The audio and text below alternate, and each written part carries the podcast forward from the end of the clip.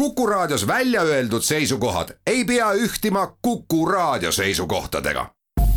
Te kuulate Kuku Raadiot.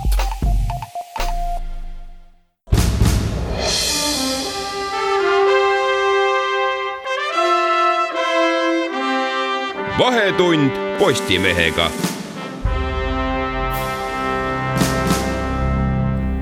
tere, hea Kuku raadio kuulaja, eetris on Vahetund Postimehega, mina olen saatejuht Herman Kelomees. me räägime täna kahest teemast, esimeses pooltunnis räägime Eesti erakondade rahastamisest. loomulikult on fookuses siin taas Keskerakond ja lisaks nende järjekordsele kahtlase annetuse saagale räägime ka nende plaanist kaotada ära erakondade järelevalve rahastamise komisjon erakondade rahastamise järelevalve komisjon ja me räägime teises pooltunnis sündmustest USA-s eh, koos välisuudiste toimetaja Margus Partsiga ja sündmuste all USA-s me peame siis silmas nii seda, et seal toimuvad juba mitmendat nädalat Black Lives Matter protestid, äh, milline leiab aset täna ka Tallinnas. ning räägime lühidalt ka Eesti eesistumisest ÜRO Julgeolekunõukogus. aga minu saate esimese pooltunni külalised on äh, uudistetoimetusest Anna Põld, tere. tere. ja Aimar Alto, Aimar Altosaar, tere. tere. meie tänases juhtkirjas seisavad sellised read Äh, mitte vabatahtlik tegutsemine, vaid avalikkuses tekkinud surve sundis peaministrit ja Keskerakonna esimeest lõpuks küüned rahast lahti laskma. tagastamine välistas võimaluse, et raha tulnuks maksta riigi tuludesse. Ähm, Keskerakond on paistnud silma erinevat äh, sorti kahtlasemate rahatehingutega terve oma eksistentsi vältel. kindlasti Savisaare ajal, aga nagu meie tänane karikatuur ka ilmestab, siis äh, siis need, kuigi kuvandiliselt on see erakond võib-olla esitleb ennast natuke teistmoodi. on need sündmused siiski jätkunud, võib-olla küll veel Ratase ajal mitte nii suures mahus. aga, aga me näeme tegelikult, et äh, kui nüüd sõnad välja arvata, siis, äh, siis me näeme ikkagi neid samu mustreid. Jana-Helen Juhaste, kes hiljuti oli EKRE liige ja nüüd on juba nädal aega Keskerakonda kuulunud, ähm, annetas kahekümne teisel jaanuaril Kesk, Keskerakonnale viiskümmend tuhat eurot, et avalikkusele on selgitatud, et selle otsuse taga on väga isiklik lugu. aga kuna tegemist on peaministriparteile annetatud äh, suure rahaga, siis oleks avalikkusel vist vaja killukesi sellest isiklikust äh, loost teada saada. Anna, kas sa saaksid võtta need sündmused meile kokku, pakkuda meile sellise ülevaatliku aegrea, aegrea? ja, et ähm, tõesti, et äh, sellest kogu sellest teemast rääkides me peame tõesti minema alguses jaanuarisse, on ju. kus siis konkreetselt see viiskümmend tuhat äh, eurot Keskerakonna kontole laekus. mis on huvitav, on see, et äh, miks me, miks see nii oluline, on see, et äh, kokku aasta esimese kolme kuuga kuna me siis erakondade rahastamise ülevaateid saame siis neli korda aastas ja kolme kuu peale, ehk siis selle kolme esimese kuuga laekus Keskerakonnale annetusi kokku no natuke üle saja tuhande euro. ja sellest pea pool moodustas siis Jana-Helen Juhaste nimel laekunud annetus. nüüd me saame aru sellest suurusjärgust, miks, miks see nagu summa on suur ja miks see on oluline. ja tundub, et siis oli tükk maad vaikust, sellepärast et ähm, kui erakonnad siis esitasid äh, erakondade rahastamise järelevalve komisjonile kohustuslikud iga kvartali andmed. ja need andmed äh, siis aprillis alles avaldati. selgus, et oli väga suur huvi selle annetuse vastu. ja see huvi tekkis äh, nii ERJK-l, kes siis esitas küsimuse Keskerakonnale, palun selgitage, et mis selle annetuse taga on. kui ka ajakirjanduses hakkas üha rohkem tekkima küsimusi, et kes on see ettevõtja, kust see raha tuleb ja nii edasi. nii, ja muidugi siin oli hästi huvitav äh, kokkusattumus või mitte, aga kui äh, siis äh, ERJK esitas siis selle päringu annetuse tagamaade kohta, siis päev hiljem, kui sai eriolukord läbi, me räägime nüüd siis maikuust siis andis kolm siis võimuliidu erakonda üle siis riigikogule sellise eelnõu, kus nad siis soovivad sellesama komisjoni, kes neilt kogu aeg küsimusi küsib, likvideerida ja anda tema nagu ülesanded üle riigikontrollile. Nonii, ja, ja siin hakkasid need äh, sündmused niimoodi korralikult ka noh, lahti rulluma ja üha rohkem ju räägiti sellest, et kes on erakondade rahastamise komisjon, järelevalvekomisjon. mis nad teevad, miks teda üldse kaotama peab, mis on need probleemid ja nii edasi. ja paralleelselt tuli ka uudis selle kohta, et seesama komisjon saatis siis selle Keskerakonna annetuse juhtumi ka prokuratuuri uurimiseks, sellepärast et teatavasti ERJK-l ei ole nii palju võimalusi informatsiooni koguda. ja see põhiküsimus oli ju see, et äh, sellesama Tartu väikeettevõtja tulud ei olnud nii suured, et oleks võimalik seda suurt viiekümne tuhande eurost annetust teha. ja loomulikult tekkis küsimus, et kust tema selle raha sai ja nii edasi, kuni me siis äh, jõuame juuni alguseni, noh juuni algusesse, kus ähm, Eesti Ekspress kirjutas, et äh, see raha siis võib pärineda Tallinnas ärihumi, ärihuve omavalt äh, ettevõtjalt, kes on sellesama naise eksmees ja ja selle peale siis Keskerakond tagastas selle viiekümne tuhande eurose annetuse. et see on selline lühikene kokkuvõte sellest poole aasta sündmuste jadast viiekümnest tuhandest eurost on ühel erakonnal ilmselt väga raske loobuda. no on küll, sellepärast et kui me vaatame ka erakondade rahaseisusid, siis äh, on veel erakondi, kellel äh, on eelmistest valimistest aasta tagasi toimunud valimised veel võlad ehk siis tasumata arved. ja, ja see näitlikustab nagu seda, et ehkki erakonnad saavad, äh, parlamendierakonnad ja ka noh, Eesti kakssada, kes ei napilt alla valimiskünnise. et kuigi nad saavad äh, riigilt päris sellist kopsakat toetust. me räägime noh, siin miljonitest eurodest. et on ikkagi meil näha miinuseid, võlgu ja meile karjub vastu see teadmine, et neil on raha vaja Aimar, me ilmselt, ilmselt ei ole meil vaja selle naisterahva nime liiga palju mainida, sest et ta tõenäoliselt ikkagi ei ole selle annetuse peategelane. ma arvan, et neid inimesi on Eestis väga üksikuid, kes, kellel on võimalik üldse oma taskust panna välja viiskümmend tuhat euri. ja ma arvan, et need inimesed on ka noh, kõigile teada, nad on igasugustes rikaste edetabelites superedukad ettevõtjad ka juba ka startup'ide tegijad, noh loomulikult meil on selliseid inimesi. Neid on võib-olla noh, mõni, mõnikümmend, mõni sada äkki isegi, aga isegi ma arvan, ma arvan, et iga inimene, ka isegi kõige jõukam inimene. viiekümne tuhande euro väljakäimine on ikka päris paras, noh, noh siis peab ikka olema väga suur põhjus, miks ma selle raha välja käin ja, ja kui nüüd täiesti tundmatu nimi, no ikkagi täiesti tundmatu nimi laiemale avalikkusele, ilmselt nagu ma aru saan ka erakonnale endale Äh, annab sulle viiskümmend tuhat euri no ma ei arva, et Keskerakonda juhiksid kuidagi sellised noh, pimedad või, või rumalad inimesed, nad kindlasti on targad, nutikad, näevad hästi, oskavad lugeda. Neil oleks pidanud kohe tekkima küsimus, mis asi see on, miks seda tehakse ja, ja nüüd, kui Anna poolt loetud seda aegrida lõpuni jõuda, siis me näeme, et see küsimus tekkis alles siis, kui kogu ühiskond, meedia, noh komisjon, järelevalvekomisjon, kõik küsisid juba väga valjult, mis toimub. ja noh, täna me lehest loeme, et, et Jüri Ratas noh, ütleb, et me oleme nüüd korralikult käitunud, me andsime raha tagasi. no viivitud, viivitatud eetiline otsus noh, kuidas seda nagu tõlgendada, viivitatud eetiline otsus, kas see on enam eetiline? ja, me jätkame sellesama aruteluga pärast lühikest pausi.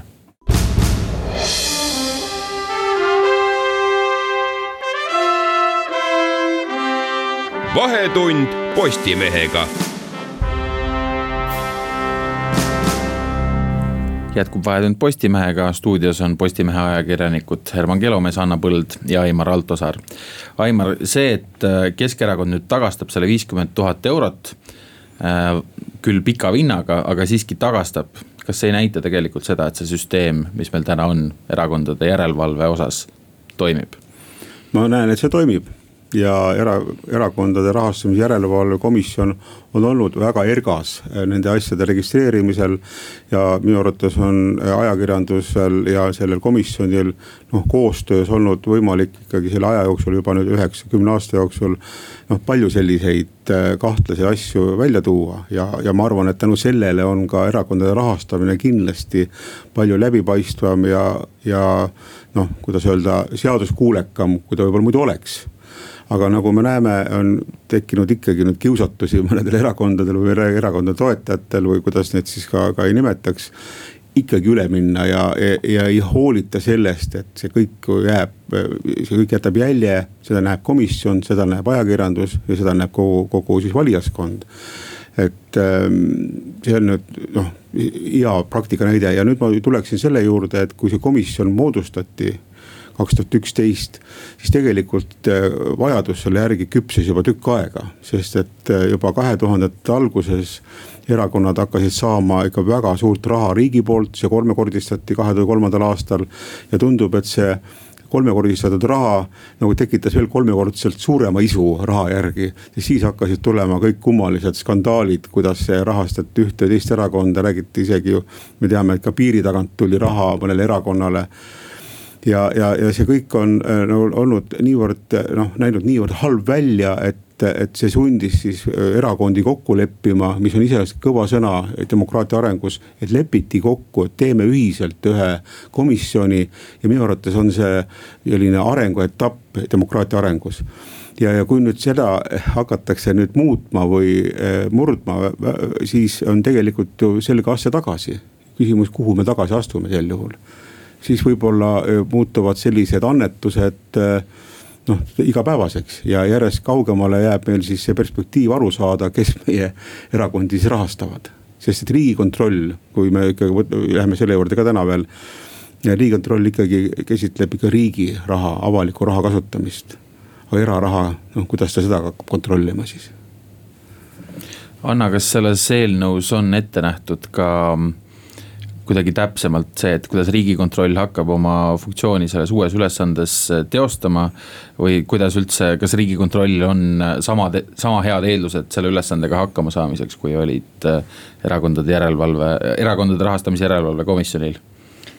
selles suhtes see eelnõu on minu meelest toores, seal ei ole väga selgelt paika pandud, et missugused on need siis need konkreetsed ähm, ülesanded et kui me räägime näiteks jah, me räägime küll samadest ülesannetest, mis on ERJK-l, aga kuidas neid asju nagu reaalselt rakendama hakatakse. või siis näiteks ongi see sama asi, et äh, kui me vaatame, et äh, noh, näiteks menetlustähtaegasid on ju. et noh, nüüd on küll see, et kolm fraktsiooni küll tõid oma ette, tegid oma ettepaneku. et äh, tõmbame, praegu on ju see, et võib uurida, ma ei tea kümne aasta taguseid asju ka, mis toimub, aga ka noh, see praegune muudatusettepanek on see, et seame kolmeaastase tähtaja, on ju. noh nüüd koalitsioon või noh, justiitsministeerium tegelikult täpsemalt tuli välja sellega, et äh, võiks siis ikkagi nagu teha niimoodi, nagu praegu on, ehk siis, et ei ole seda tähtaega peal ja, ja seal on tegelikult neid äh, konkreetseid küsimusi ja, ja noh, kõige-kõige suurem küsimus nüüd praegu on ka tekkinud, on see, et äh, seletuskirjas, eelnõus ei ole ju konkreetselt öeldud, et riigikontroll võtab üle need praegused menetlused. ja see ongi see küsimus, miks äh, ja põhjus ka, miks on nii palju seostatud seda muudatust peaministriparteiga, kellel on praegu parasjagu pooleliolevad menetlused. räägime siin suuremast äh, miljoni nõudest näiteks jah, peaministripartei võib olla olemas üksi jäämas selles ähm, küsimuses, sest et Raivo Aeg, justiitsminister, on juba esitanud ettepanekuid, muudatusettepanekuid sellele eelnõule, et muuta just neid asju, millest Anna rääkis. üks on see kolmeaastase aegumise kaotamine ja noh, selle aegumise puhul tasub silmas pidada ka sellist asja, et ähm, üks asi, mis ei ole niipea aegumas, on Keskerakonna kehtiv kriminaalkaristus äh, täpselt sellesama erakonnaseaduse Äh, rikkumise eest. Äh, ja neile mõisteti ju karistus osaliselt tingimisi, see tähendab seda, et on kakssada viiskümmend tuhat mm, eurot sellest eelnevast karistusest, mida ei pöörata täitmisele, kui Keskerakond juriidilise isikuna ei soorita uut kuritegu ja kui nüüd peaks juhtuma, et see prokuratuuri antud juhtum Äh, saab ka siis jõustvaks, jõustunud kohtu öö, otsuseks, mis mõistab neid süüdi. siis tuleb ka see eelmine veerand miljonit öö, ära maksta. ja noh, selles mõttes on kõik need selgitused sellest, et kuidas riigikontroll on parem ja usaldusväärsem mõjuvad pisut õõnsalt, võib-olla kui see ajastus oleks natukenegi teistsugune, kui need ei oleks kahel järjestikusel päeval aset leidnud sündmused olnud, see, et kui, ähm, siis selle annetuse saate tõst-, teema tõstatamine ERJK poolt ja ERJK enda kaotamine ähm,.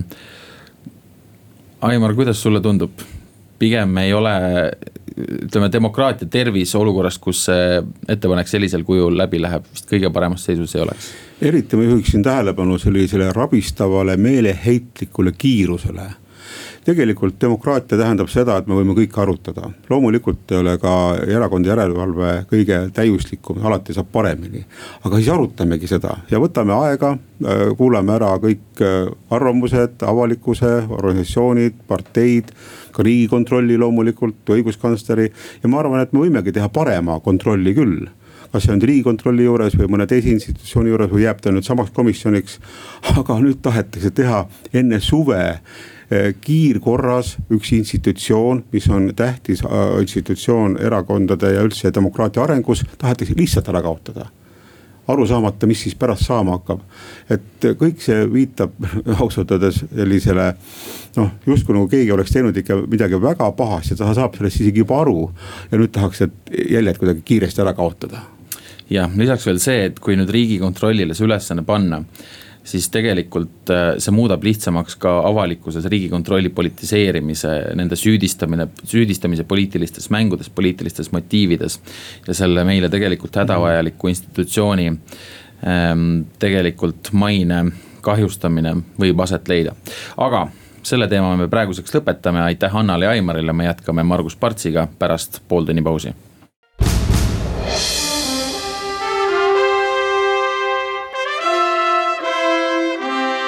vahetund Postimehega.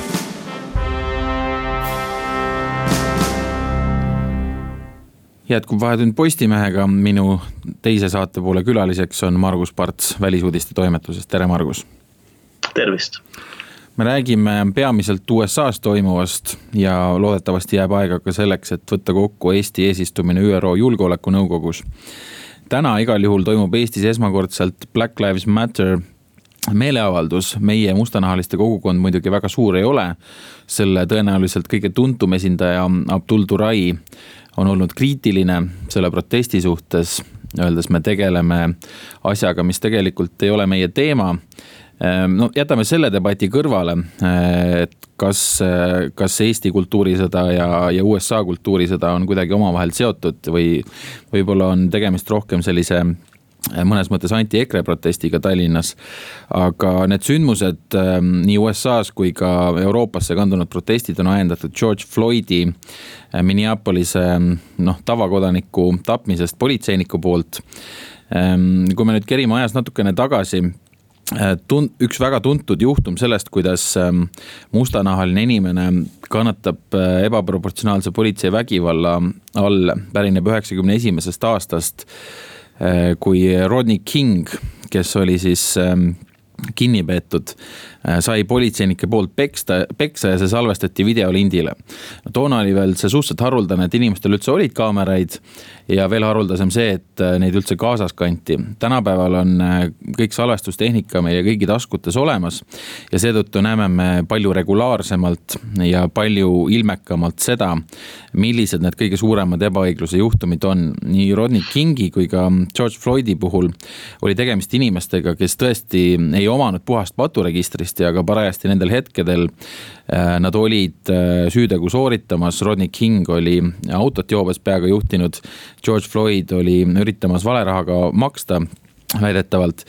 Äh, no üks pro-, üks probleem loomulikult nende mõlema mehe kallal ähm, sooritatud vägivallaga oli selle suur ebaproportsionaalsus ja ebaseaduslikkus. Ähm, need olid lihtsalt võtted, mida ei ole lubatud kasutada. aga tegelikult, Margus, asi ei ole ju ainult selles, mis konkreetselt nendes juhtumites aset leidis? no loomulikult asi ei ole ainult selles, et noh, sellest on viimaste nädalate jooksul väga palju juttu ka olnud, milline on Ameerika Ühendriikide politseisüsteem.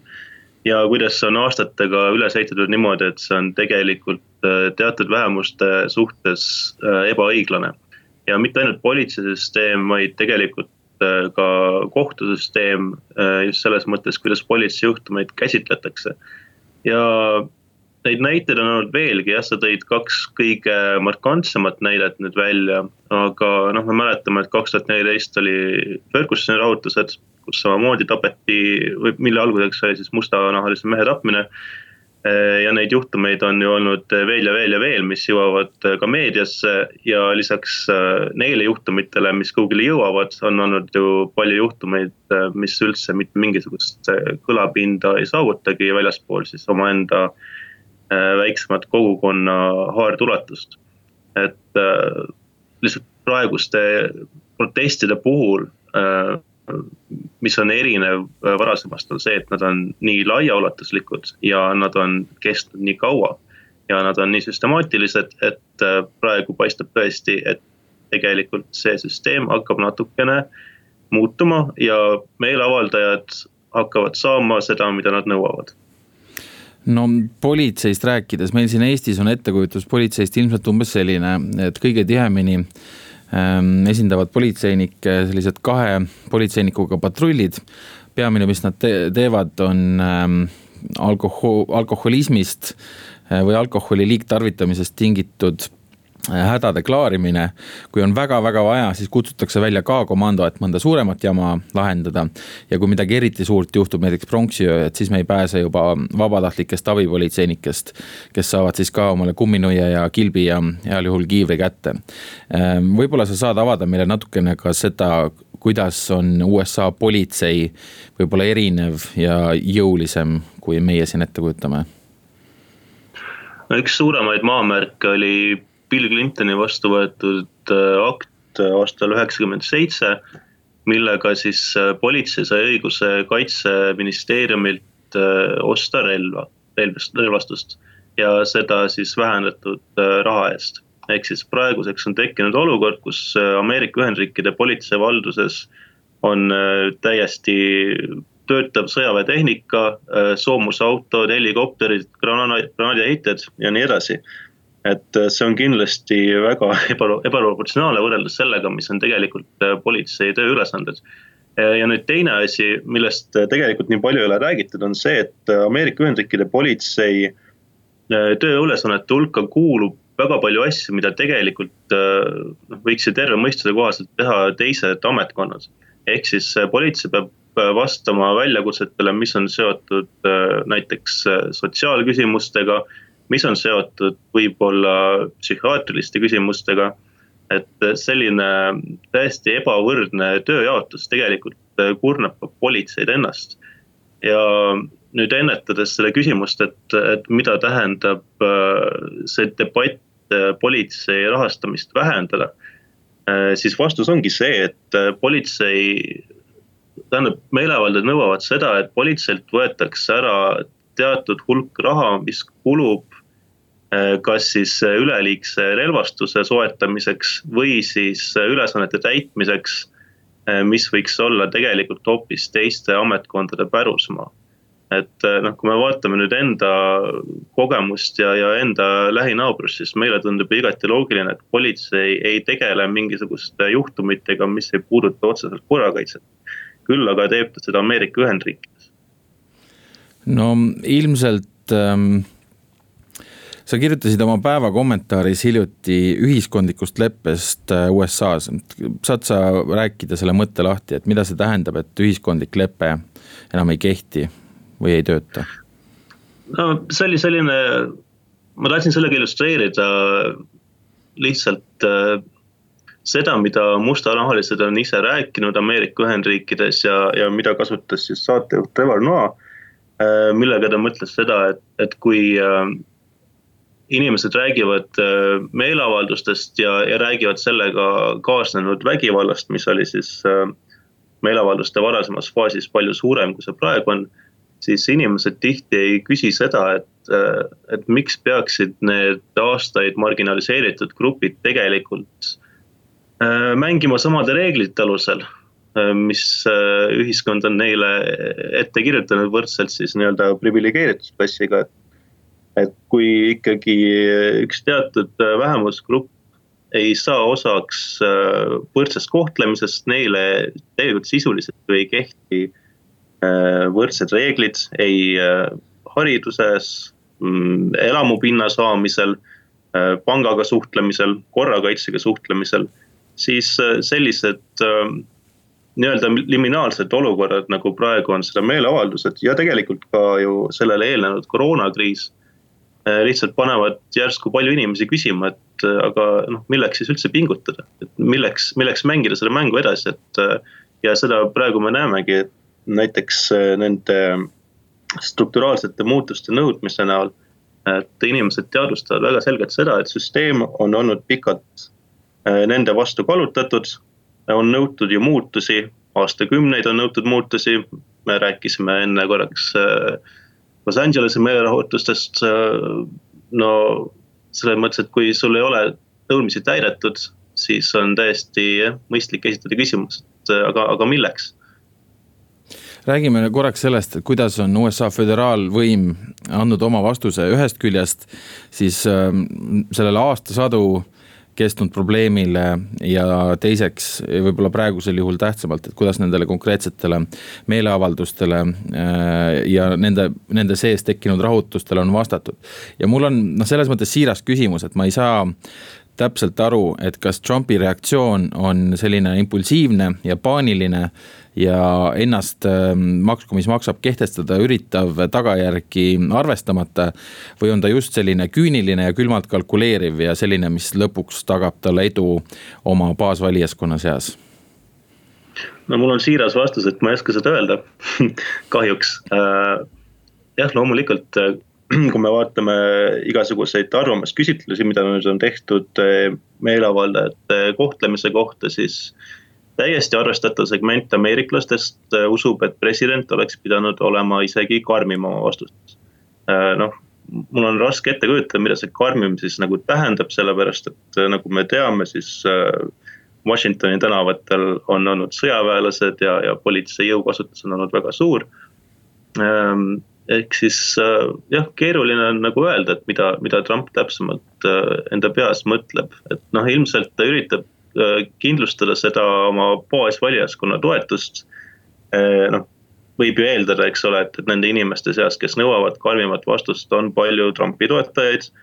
ma usun, et see ei ole liiga meelevaldne järeldus ähm,, aga jah. jah, me räägime Trumpist ja tema peamisest konkurendist edasi pärast lühikest pausi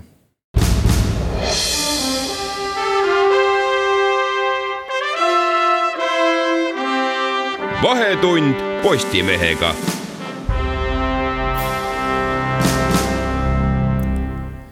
jätkub Vahetund Postimehega, me räägime edasi välistoimetuste, välistoimetuse toimetaja Margus Partsiga USA-s toimuvast Black Lives Matter protestidest ja paratamatult peab rääkima ka presidendivalimistest. me rääkisime Trumpi käitumisest ja selle, tema, selle mõjust tema valijaskonnale, tema toetusele enne pausi. räägiks nüüd ka tema peamisest kandi-, peamisest vastaskandidaadist Joe Bidenist. Ehm, küsitluste andmetel on ta Bidenist ees, ma räägin, ma räägin siin praegult nendest küsitlustest, mis on siis üleriigilised mis äh, ei pruugi ilmtingimata kajastada seda, mis toimub võtmeosariikides, kus otsustatakse valimiste tulemus. Ähm, aga noh, Biden pisut enne seda, kui need sündmused äh, puhkesid esines sellise natukene imeliku avaldusega. tal oli Zoom'i teel vestlus ühe mustanahalise valijaga, kes oli kõhklev, et kelle poolt ta hääletab ja Biden siis loetles enda tulemusi mustanahaliste õiguste eest võitlemisel, rassilise võrdsuse Äh, suuremal kujul tagamisel ja ütles selline, selliselt Bidenlikult või vähesel määral ka Trumpilikult ähm, natuke lapse suuna, et ähm, noh, kui, kui sa oled must või tähendab, kui sa, kui sa minu poolt ei hääleta, siis järelikult ei ole sa must. Ähm, kuidas, kuidas nüüd Biden saab endale normaalse koha leida selles debatis olukorras, kus president on suuresti esiplaanil tundub, et Biden võib-olla ei peagi tegelikult väga palju midagi tegema, ta peab olema lihtsalt äh, edasi see Joe Biden, keda rahvas tunneb ja loomulikult sellised väljaütlemised on totakad. ja tegelikult näitavad ka ikkagi päris suurt mingis mõttes eelarvamust mustanahalise elanikkonna suhtes, aga kui vaadata nüüd seda, kuidas Donald Trump on käsitlenud meeleavaldusi ja tegelikult äh, üldse laiemalt, kuidas ta on tegutsenud selle aasta kriiside vältel siis äh, noh, Bidenil mingis mõttes on juba trumbid nagu enda käes, et, et kui ta pakub inimestele seda sõnumit, et kõik korda, rõhub ühtsusele ja haavade parandamisele, siis ta on mingis mõttes teinud juba oluliselt paremat tööd kui praegu ametis olev president äh, Ameerika Ühendriikides valitsevate väga suurte lõhede silumisel. ehk siis äh, jah, vastus on see, et, et äh, kui Trump enda käitumist ei muuda ja ma ei ütle, et, et Trump peab siiralt uskuma seda, mida ta räägib. aga riigipeana tegelikult ju lasub tal kohustus rääkida terve rahva eest ja üritada teenida kogu Ameerika Ühendriikide rahvast. siis äh, on ikkagi Bidenil ilmselt äh, suurem lootus novembris vähemalt äh, ühiskondlikus plaanis ennast hästi näidata no tal üks selline päris nõrk koht tegelikult on Bidenil ähm, ei ole võimalik koguda tavapärasel viisil raha presidendi kampaaniaks. noh, Hillary Clinton või tegelikult juba Obama enne teda kogus üle miljardi dollari ja Bidenile sobib selline ähm, noh, kompaktsemate õhtute korraldamine natukene jõukamatele doonoritele, seda ta praegult ei saa teha, et tõenäoliselt ta läheb nendele valimistele äh, kõige suuremas äh, siis puudujäägis võrreldes oma konkurendiga, mis üldse kunagi olnud on Äh, see on asi, mille pärast demokraadid on väga mures, et kas Biden peaks selle pärast muretsema või päeva lõpus need päevasündmused dikteerivad selle valimiste kulgu? no eks see on jälle selline hiromandi küsimus, et, et noh, keeruline vastata, aga noh, ma pigem läheks jah, sinu selle viimase välja pakutud äh, variandiga, et äh, noh, olgem ausad, Bideni valimiskampaania ilmselt ei saaks nii või naa praegu nii palju pildile kui ta saaks tavatingimustes, sellepärast et USA-s toimuvad meeleavaldused ja kõik selle ümber käiv tegelikult ju hõlmab meediapilti kakskümmend neli seitse nädalast nädalasse. Et, et see, milline osa on toetustel ja milline osa on meediapildil, võib-olla ei olegi praegu üldse nii oluline, oluline on lihtsalt näidata ennast jooksvate sündmuste valguses kompetentse juhina või juhi kandidaadina. Ja see tegelikult juba annab sulle selle nii-öelda tasuta eetriaja, mis on tihti isegi väärtuslikum kui see raha eest ostetud reklaamiaeg jah, kuni novembrini jõuame päris palju sellest veel rääkida, nüüd veel lühidalt sellest, et Eesti on just lõpetanud eesistumise ÜRO Julgeolekunõukogus. Äh, ja võib vist öelda, et saime digiriigina jälle särada. nojah, Eesti on saanud äh, ikkagi väga, väga toredat tagasisidet ja, ja suurepärast äh, suurepärast kiitust suurepärase töö eest, sellepärast et Eesti võttis eesistumise üle Dominikaani vabariigilt äh, siis aprilli, aprilli lõpus äh, täieliku koroonapandeemia äh, laineharjal New Yorgis. ja, ja see, kuidas on suudetud maailmaorganisatsioon kokku tuua, panna kohtumised uuesti käima ja kasutades selleks siis digitaalseid lahendusi, on päris paljude diplomaatide ja tegelikult ka välismeedia ja ekspertide sõnul midagi täiesti enneolematut. et äh, olles ise rääkinud Eesti esindusinimestega ja inimestega välisministeeriumis, siis noh, kõik muidugi kinnitavad, et ega see kerge ei olnud. ja, ja need igapäevaste kõnede ja, ja videokohtumiste hulk on ikkagi olnud pöörane. aga omaette saavutus juba on see, et ühtegi kohtumist ei ole pidanud tühistama Äh, kõik on toimunud plaanipäraselt ja lisaks on Eesti võtnud äh, üles palju teemasid ja, ja teinud kohtumisi äh, puhtalt ka iseenda initsiatiivist. ehk siis noh, tegelikult ütleme, et, et kui eesistumisega saadi sama hästi hakkama, kui oleks olnud tavatingimustes, aga lisada sinna veel see, et New Yorgis mitte keegi ei või oma kodust lahkuda, siis võib öelda jah, et tulemus on olnud ikkagi suurepärane tundub, et Eestil vedas mitte ainult Eestina, vaid üleüldse ühe ÜRO eesistujana. Sest et oli võimalik nendes konkreetsetes oludes midagi väga konkreetset ära teha organis, kus võib-olla eesistujana tavaliselt ei ole võimalik midagi nii-öelda ära teha, midagi tehtud saada. või mis teemasid me üldse tõstatasime, mis meile tähtis oli? no see ärategemine on selline natukene võib-olla tinglik, et, et noh ilmselgelt rahvusvahelises diplomaatias kuu ajaga mitte midagi ära ei tee. Mis on oluline, on see, et Eesti on suutnud olla hea moderaator, asju käimas hoida ja on suutnud tõstatada endale olulisi teemasid, ehk siis üks olulisemaid asju kindlasti on küberjulgeoleku teema. mida Eesti esindus siis lootis juba jaanuaris nendega rääkides, et lauale tõsta kardeti, et see on keeruline, Äh, tundub, et asjaga on saadud äh, ilusti hakkama, on saavutatud selline üsna lai rahvusvaheline konsensus, et äh, küberruumis käibivad reeglid peaksid olema võrdelised siis nii-öelda tavamaailma reeglitega. ehk siis küberjulgeolek ei ole mingi asi, mida julgeolekunõukogu peaks kuidagi ignoreerima. ja ütleme nii, et, et kuigi võib-olla jah, et otseselt nüüd selliseid väga siduvaid ja, ja suurejoonelisi asju ette näidata ei ole, siis pidagem meeles, et see oli ainult üks kuu. Kus me oleme olnud ees, kus me olime eesistuja ja tegelikult äh, selliste ka väikeste sammudega. Äh, nagu näiteks äh, Gruusia vastu suunatud küberründe hukkamõistuga on saavutatud ikkagi päris korralik pretsedent. no see muidugi see küberründe hukkamõist toimus enne meie eesistumist. mis näitab seda, et ei pea tihti olema ka eesistuja, et midagi ära teha aitäh sulle, sellega me lõpetame, stuudios olid Postimehe ajakirjanikud Anna Põld, Aimar Altosaar, Margus Parts ja Herman Kelomees. vahetult Postimehega nagu ikka kolmapäeval kell üks.